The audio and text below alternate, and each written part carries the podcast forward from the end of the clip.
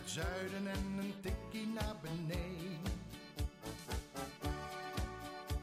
Daar wonen al mijn vrienden en daar voetbalt NAC. Laat nu de klok maar luiden, er is toch niks aan te doen. De B-side staat in vlammen en NAC wordt kampioen. Welkom luisteraars bij de tweede aflevering van een Tikkie naar het Zuiden podcast. De podcast van B-Side Reds over NAC. Allereerst willen wij jullie bedanken voor alle positieve reacties op de eerste aflevering vorige week. En uiteraard gaan we ook aan de slag met jullie feedback. Er zullen binnenkort wel degelijk andere gasten aan tafel komen zitten. Maar vanavond doen we het met hetzelfde team als vorige week. Dat zijn namelijk Levine en Thijs. Goedenavond. Goedenavond. Eh, we hebben weer een bomvol programma. Maar we beginnen net als vorige week met de wedstrijd van afgelopen vrijdag. Dat was dit keer Jong AZ thuis. Een 3-1 overwinning. Maar wat als die, bal van Correira, die goal van Correira wel had geteld? Ondanks dat er een bal het veld in was gegooid. Ja, Olij zei na afloop eh, in de mixzone dat hij het eh, fout van zichzelf. En ik was het daar op zich wel mee eens. En eh, ja, ik denk als die bal erin was gevlogen, of ja, dat was hij natuurlijk ook, maar als hij echt had geteld, dat je dan een hele lastige avond had gehad. Een fout, wat nam, nam zichzelf kwalijk? Nou ja, de- de- ja, hij vond het gewoon een houdbare bal. Die bal was niet super ver in de hoek, niet super hard. Hij ging door zijn handen heen. En dat hebben we natuurlijk nog niet vaak van hem gezien, dat hij dan... En ik denk, ja, wat ik al zei, dat zo- zo'n tik voor het team in deze fase van het seizoen zou natuurlijk wel heel zwaar zijn geweest. Omdat het dan eenmaal moeilijk was geweest om die eerste goal te maken. Ja, klopt. Want je, dat is natuurlijk waar ze, dat zei Willem Wijs afloop ook, waar ze best wel tegenaan nikten. Waar je eh, in de wedstrijd tegen Helmond niet gelukt, ondanks dat je best wel wat eh, mogelijkheden hebt gehad. Het was tegen Jong AZ ook een moeilijke wedstrijd. Eh, uiteindelijk, als je naar de statistieken kijkt, dan lijkt het alsof NAC best een makkelijke avond gehad heeft. Meer, veel meer balbezit dan AZ, veel meer mogelijkheden dan AZ. Maar het zag er allemaal heel moeizaam uit. En 3-1 vond ik uiteindelijk best wel een geflatteerde uitslag.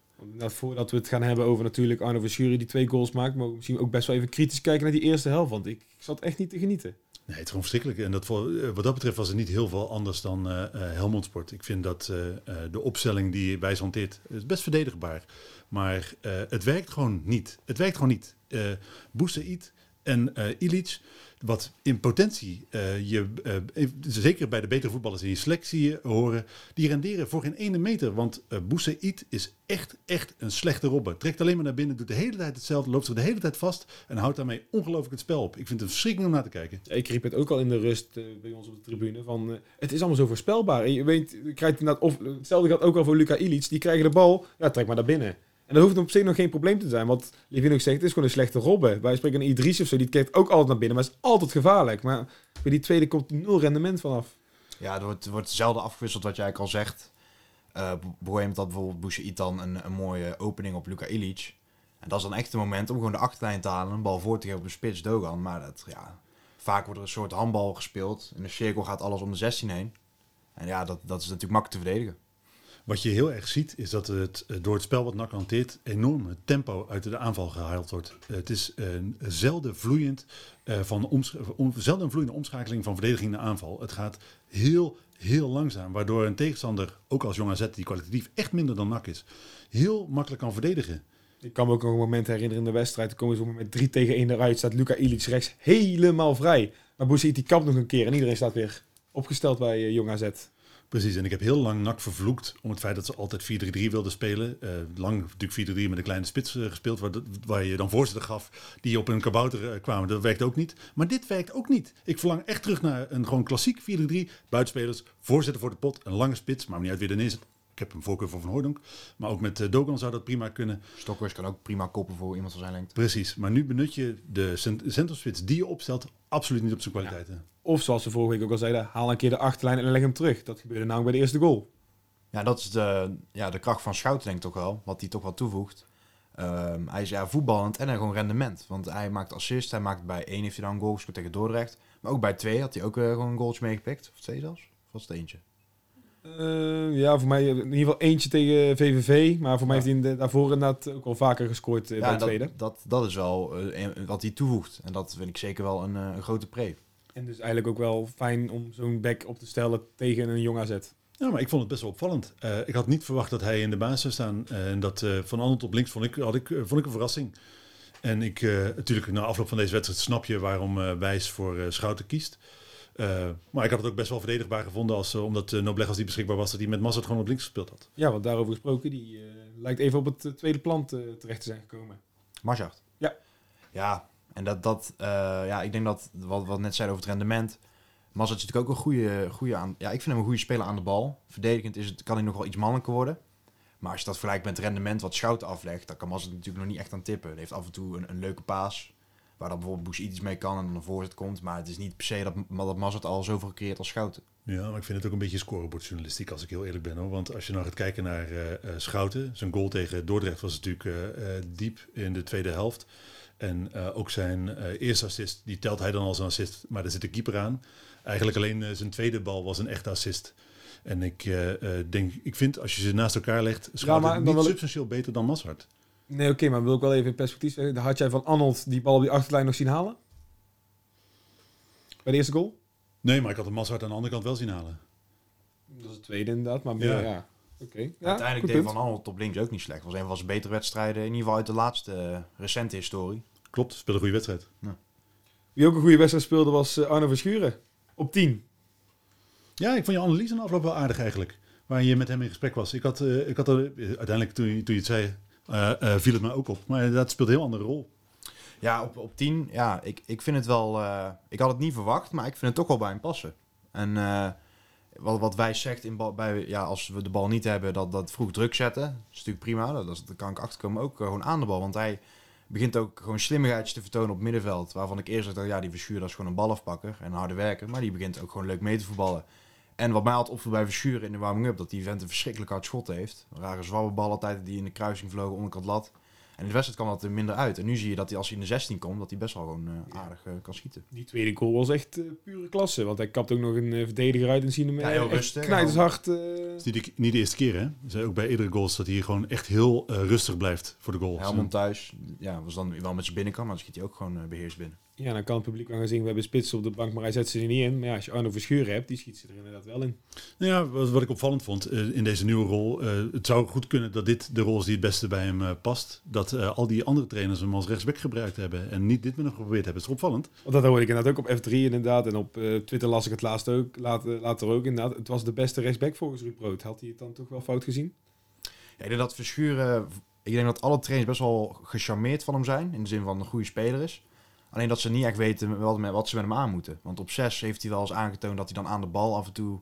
Ik echt dacht van ja, die had heel het tempo eruit. Ja, rechtsback ben ik persoonlijk geen fan van. Maar nu op 10 doet dat toch wel, wel leuk. Ook als rechtsback gebruik ik hem natuurlijk wel een beetje op de kwaliteit die hij nu ook laat zien. Hè? Dat eh, pendelen tussen eh, voor en achter.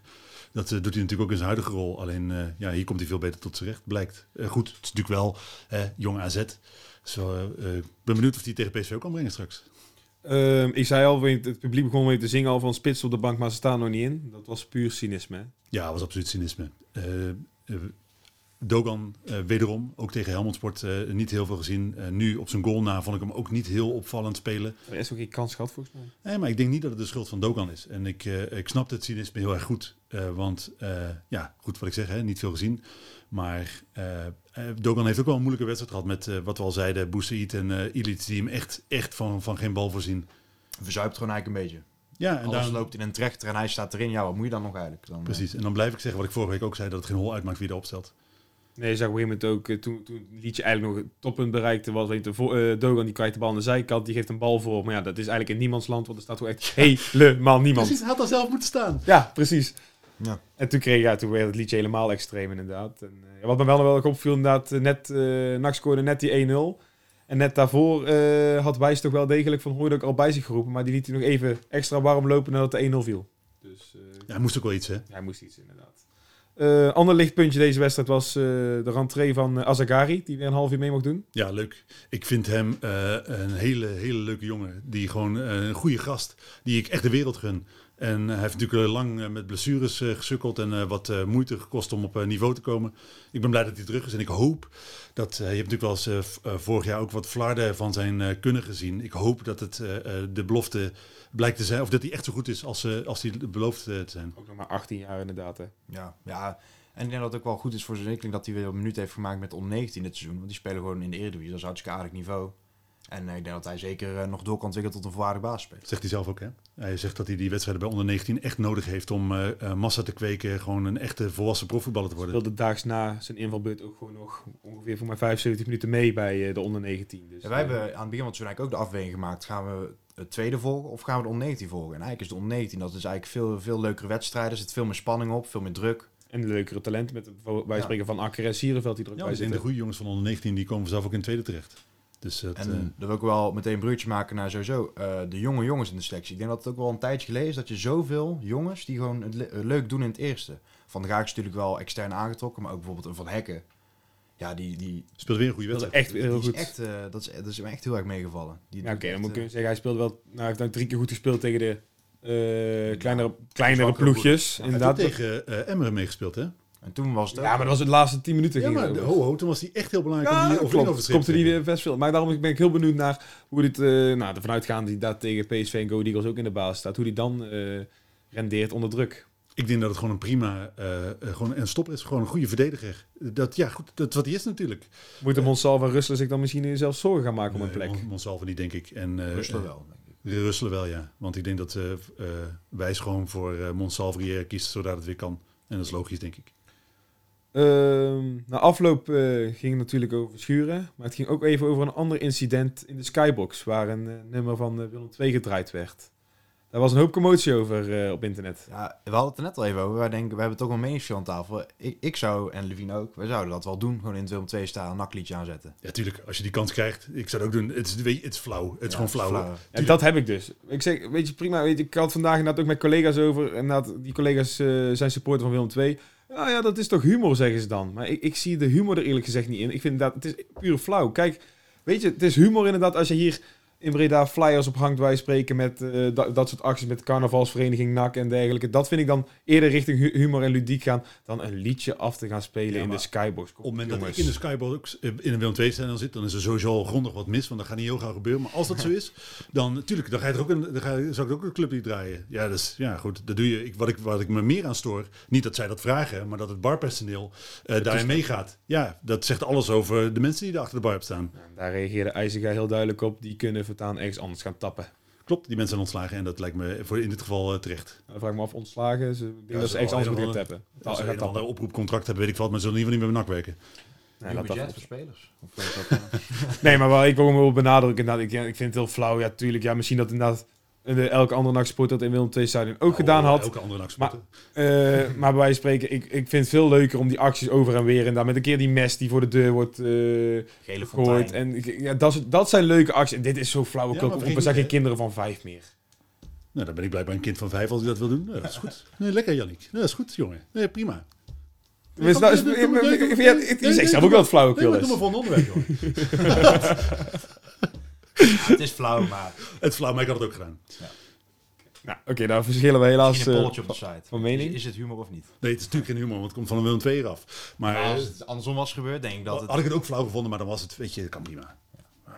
We sluiten de Skybox af. Eh, wat Jong AZ kan namelijk ook de laatste wedstrijd zijn geweest van Ella Lucci. Stond in de basis. Eh, want er is lichte interesse voor de middenvelder. Ja, ik vind het zonde. Ik eh, vind eh, dat eh, als ik de zaakwaarnemer van El Lutje zijn, zou ik hem adviseren om echt op deze interesse in te gaan. Als je nu een mooie stap kan maken naar, volgens mij Verenigde Arabische Emiraten was het. Eh de ultieme voorbeeld daar is natuurlijk Anwar Diba, die daar eh, op jonge leeftijd naartoe gegaan is, ongelooflijk rijk geworden is. Als eh, eh, een nou, prima leven voor zichzelf mee, ver- mee verzekerd heeft. Dan zou ik dat als Lutje zijnde meteen doen. Want de vraag is waar, zijn top in Nederland ligt. Hij is voor NAC een altijd best wel bruikbare speler geweest. Ik vind hem een ongelooflijk sympathieke gast. Echt een NAC-speler wat mij betreft. Ook omdat hij, mensen zeggen natuurlijk hij is pas redelijk laat overgekomen. Maar ik vind hem een echte nakker. Ja, dat getuigt ook wel aan het feit dat hij toen terugkwam uit zijn uitle- verhuurperiode bij Helmond. En Smulders zei er is geen plek voor jou. Maar eh El Lucci liet zich niet uit het veld slaan. eh. Ja, ik zei wel dat volledig eh, bij, bij Levine aan. Zo'n eh, hartstikke leuke gast. Alleen als je eerlijk bent, voetbaltechnisch is het natuurlijk al een paar jaar dat dat het een beetje is gestagneerd. Zeker sinds het vertrek van Angelino. En wat dat betreft zou het voor beide partijen eh, niet verkeerd zijn, denk ik. Maar wel jammer van een, van een leuke gast die dan zou vertrekken. Want inderdaad, nou kan er wel een eh, leuk zakcentje aan overhouden dat geïnvesteerd kan worden nog. Ja, maar het is wel zonde dat je dat geld moet verdienen aan zo'n jongen. Want ik eh, vind eh, echt dat hij van alle spelers in de selectie, denk ik, de meest zelfkritisch is. De eerlijkste, de vriendelijkste ook naar iedereen. Natuurlijk, je kan wat aanmerken op zijn voetballende kwaliteiten. Maar ik denk dat je met, in de combinatie met Angelino ook gezien hebt eh, wat erin kan zitten op het moment dat hij wat betere spelers om zich heen heeft. Is daar niet het probleem? Die heb je bij NAC niet. Nee. Niet altijd, ja. Maar, daar, maar daarom zeg ik, als ik zijn zaakwaarnemer zou zijn, zou ik hem echt adviseren om deze stap te maken. Want hij heeft bij NAC nooit de volledige waardering gehad die die, waarvan ik vind dat hij die verdient. Hij komt voetballend niet super uit de verf. En ja, goed, je kan nog een jaar of vijf bij NAC voetballen en daar nooit volledig eh, geaccepteerd worden als eh, eh, goede speler. Of nu lekker je zakken gaan vullen en eh, de rest van je leven nooit meer zorgen hoeven maken. Ja, dan weet ik het wel. Ja, dat laatste vooral. Dat is eh, heerlijk voor hem. Ja. En heeft hij... Ik gun het hem ook echt. Ja, dat gun je hem inderdaad. Mooi. Nou ja, we- aan de ene kant wil je zeggen, laten we hopen dat het rondkomt. Aan de andere kant... Ook het blijft het, blijft dubbel, het blijft dubbel. Ja. Het blijft dubbel. Nogmaals, weet je, de, de persoon eh, ga je echt missen. De voetballer kan je best wel vangen. En die, eh, dat kan dan vervangen worden met het budget dat eventueel vrijkomt. Maar, want we wachten nog steeds op transfers. En eigenlijk wachten we in eerste instantie op transfers die bij me, van spelers die bij NAC vertrekken. Ja, wat we eigenlijk vorige week al een beetje zeiden. Je, hebt niet zoveel om in de etalage te zetten. Want je hebt jongens die staan aan de basis, die wil je eigenlijk niet van de hand doen.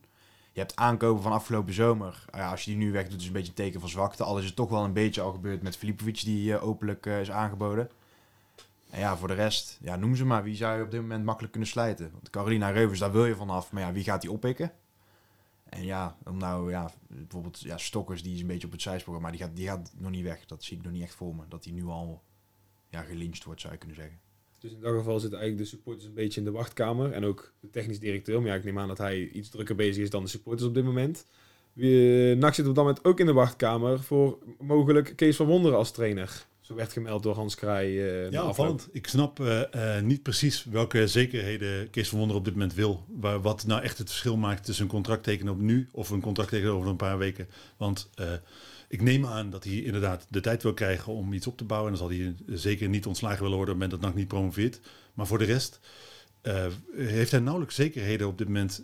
want investeren in de selectie. Je gaat die selectie niet fundamenteel kunnen veranderen in deze winterstop. Je kan met één of twee eh, spelers wel wat eh, verbetering teweeg brengen. Maar je kan niet van een, eh, van een matige selectie opeens een geweldig elftal maken met het budget wat je te besteden hebt. Of de aandeelhouders moeten echt lappen. En dan, ja goed, dan zou ik wel ballen vinden van, van Wonder. Die zegt, ik teken niet. Tenzij daar bij wijze van spreken een miljoen transferbudget tegenover staat. Maar ja goed, dan weet je ook dat dat, dat, dat, dat nooit gerealiseerd gaat worden. En wat mij vooral opvalt is dat NAC wil wachten op Van Wonderen. Terwijl de tijd dringt. eh, want 7 februari eh, is de laatste dag dat Wijs hoofdtrainer mag zijn. En eh, is Van Wonderen wel de droomkandidaat waarop je moet wachten?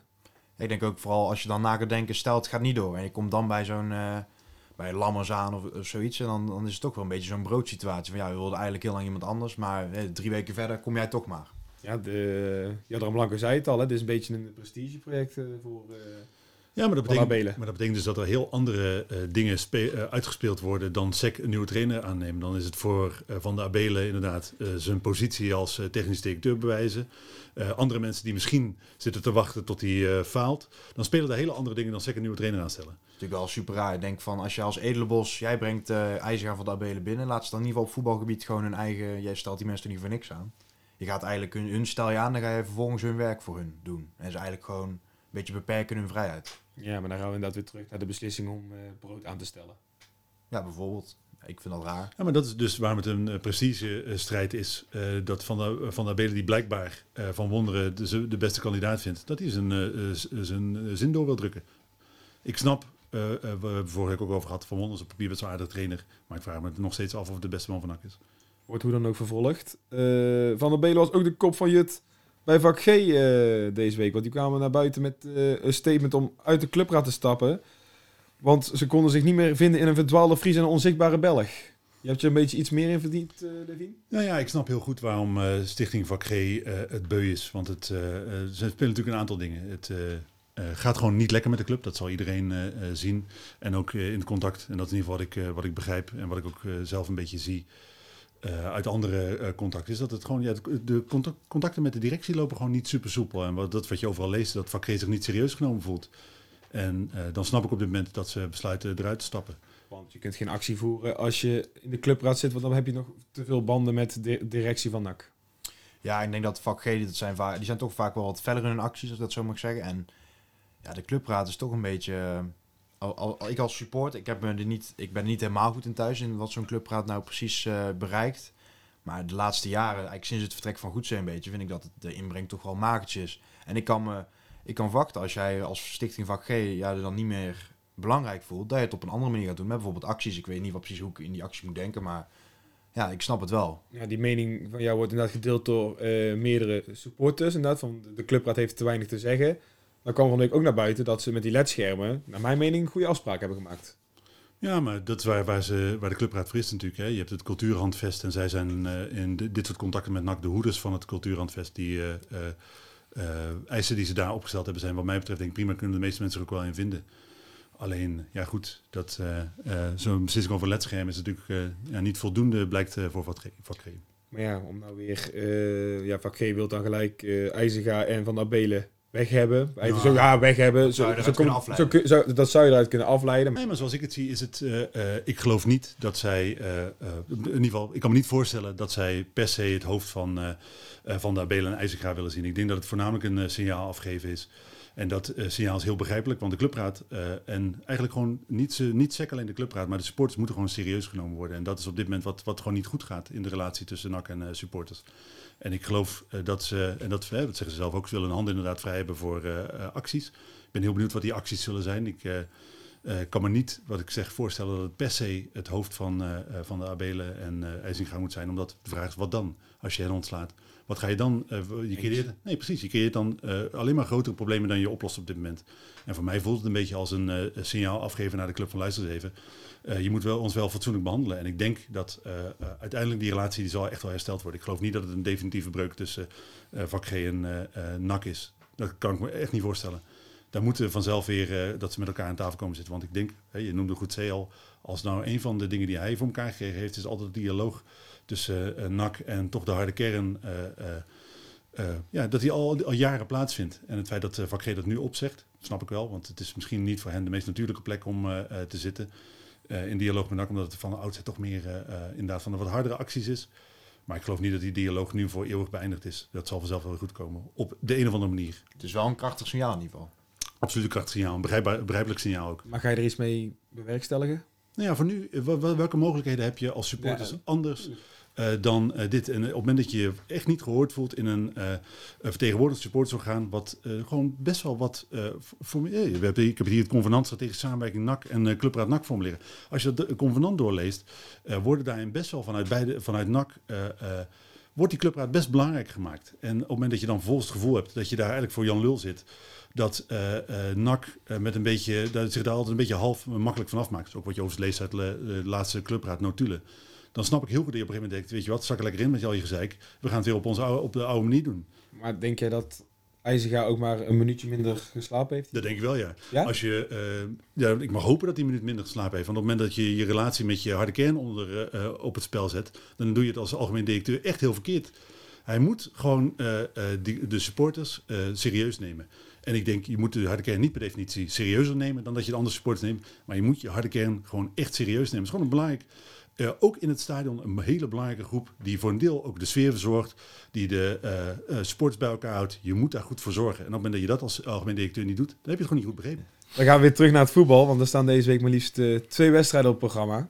We beginnen met de beker, thuis tegen PSV. En dan zie ik de statistiek dat ze sinds 29 september geen wedstrijd meer gewonnen hebben op vreemde bodem. Ja, dan kun je twee dingen concluderen van, oh, er liggen kansen voor NAC. Of je kunt de andere kant op redeneren van, ja, dan is NAC, komt NAC op een ideaal moment. Normaal gesproken, historisch gezien, als je als club niet draait in uh, al, al, weken, maanden geen uitwedstrijd wint, dan is NAC altijd de ideale tegenstander. Thijs? Ja, ja ik vind, ik vind uh, als je, nou, ik heb natuurlijk ook uh, PSV tegen VV gezien. Het was, uh, het houdt niet echt over van PSV's kant. En ik denk ook dat je het om kan draaien. Dat je denkt van ja, als je PSV toch een keer moet tegenkomen, doe dan maar nu. Want het, slaat eigenlijk ook nergens op dat die, ondanks de kwaliteit die ze er wel degelijk hebben laten zien. Maar ik hoor uit jouw reactie dat jij er niet heel veel vertrouwen in hebt. Nou, dat weet ik niet. Ik, uh, dit is, uh, je kan hier, uh, en dit is natuurlijk, ik ga nu alleen maar clichés braken. Het is, is toch een op zich staande wedstrijd. Het is 11 tegen 11. De bal is rond. Nee, maar weet je, zo'n bekerwedstrijd, daar, daar kun je gewoon niks zinnigs over zeggen. de druk is natuurlijk anders dan bij een normale competitiewedstrijd. Je hebt, ik denk dat wat dat betreft het beste voorbeeld Sparta Nijkerk-NAC is. Waarbij Sparta Nijkerk eigenlijk helemaal niks te verliezen heeft. En NAC alles te verliezen heeft. En dat geldt voor PSV natuurlijk nu ook. Uh, PSV moet deze wedstrijd gewoon winnen. Uh, als, die, als NAC wint, gaat PSV gewoon af. En hebben ze geen enkele kans meer op eremetaal. Nee, dus die druk is bij PSV echt anders dan dat die bij NAC is. En dat, ik denk dat het voor NAC op dit moment uh, zou PSV best wel eens de ideale tegenstander kunnen zijn. Moet het natuurlijk wel een beetje goed vallen in het begin van de wedstrijd. Maar als je deze wedstrijd winnend afsluit, ja, dan kan het zomaar je, je seizoen maken. Hoe moet je PSV aan gaan pakken? Gaat Willem Wijs eh, aan zijn eigen strijdplan vasthouden? Of eh, gaan we bij spreken een, ik noem even een 5-3-2 zien waarbij NAC zich echt in gaat graven en PSV het spel gaat laten maken? Wat Ja, zou jij doen als jij trainer was? Eh, dat vind ik lastig. Ik denk dat de huidige speelwijze, dat is wel, heeft wel redelijk gewerkt. Alleen is het natuurlijk wel tegen slechte tegenstanders. Totaal niet te vergelijken met PSV. Waarom? Toch vind ik PSV opbouwend gezien niet super sterk. Dus Zwakte ligt achterin. Als je die Swaap onder druk zet, dan is het echt niet, geen opbouwende ster. Voor de rest, ja, die, die linksback is natuurlijk altijd een groot vraagteken. Wie speelt die Salek, speelt Boskagli? Ja, dat is allemaal, houdt allemaal niet over.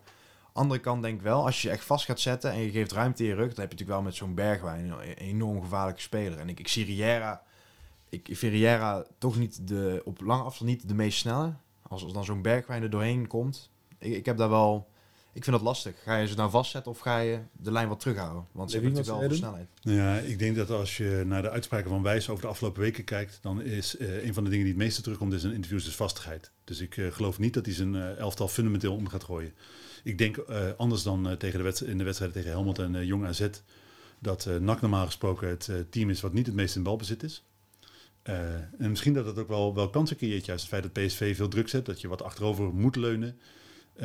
Ja, Het verschil is wel natuurlijk dat NAC niet echt spelers heeft die, eh, ik noem even, ja, Rosso is misschien een heel slecht voorbeeld inderdaad, maar, super een heel slecht voorbeeld. maar iemand die gewoon echt eh, op snelheid eh, achter de linies eh, weggestuurd kan worden. Die hebben er te weinig eigenlijk. Hoe ziet dat? Dat moet toch moeten kunnen. Is hij snel? Hij is Nou, behendig, maar is hij snel? Nou, die goal tegen Ajax toen een keer, met Utrecht. Dat was hij toch even snel. Ja, Ja, dan zou je dus met die moeten gaan spelen. Maar ik persoonlijk denk dat je die te weinig Nee, hebt. Ik denk als je op zich naar de opstelling kijkt, dan zou dat toch moeten kunnen. Ik, ja, Illich is ook, geen, eh, is ook niet de snelste op de 100 meter. Maar ik denk dat in principe met die aanval moet je toch wat mogelijkheden hebben. In de counter tegen PSV. Punt alleen dat, ja goed, maar daar hebben we het al over gehad. NAC super sloom is in de, Ja. de omschakeling. dan zou het wel een tijdje staan. Want PSV is natuurlijk nog, nog beter georganiseerd dan eh, clubs als Jong AZ en eh, Helmond. Maar om de, een beetje in de clichés te blijven, het blijft bekeravond. Dus uh, voorspel ik je jongens.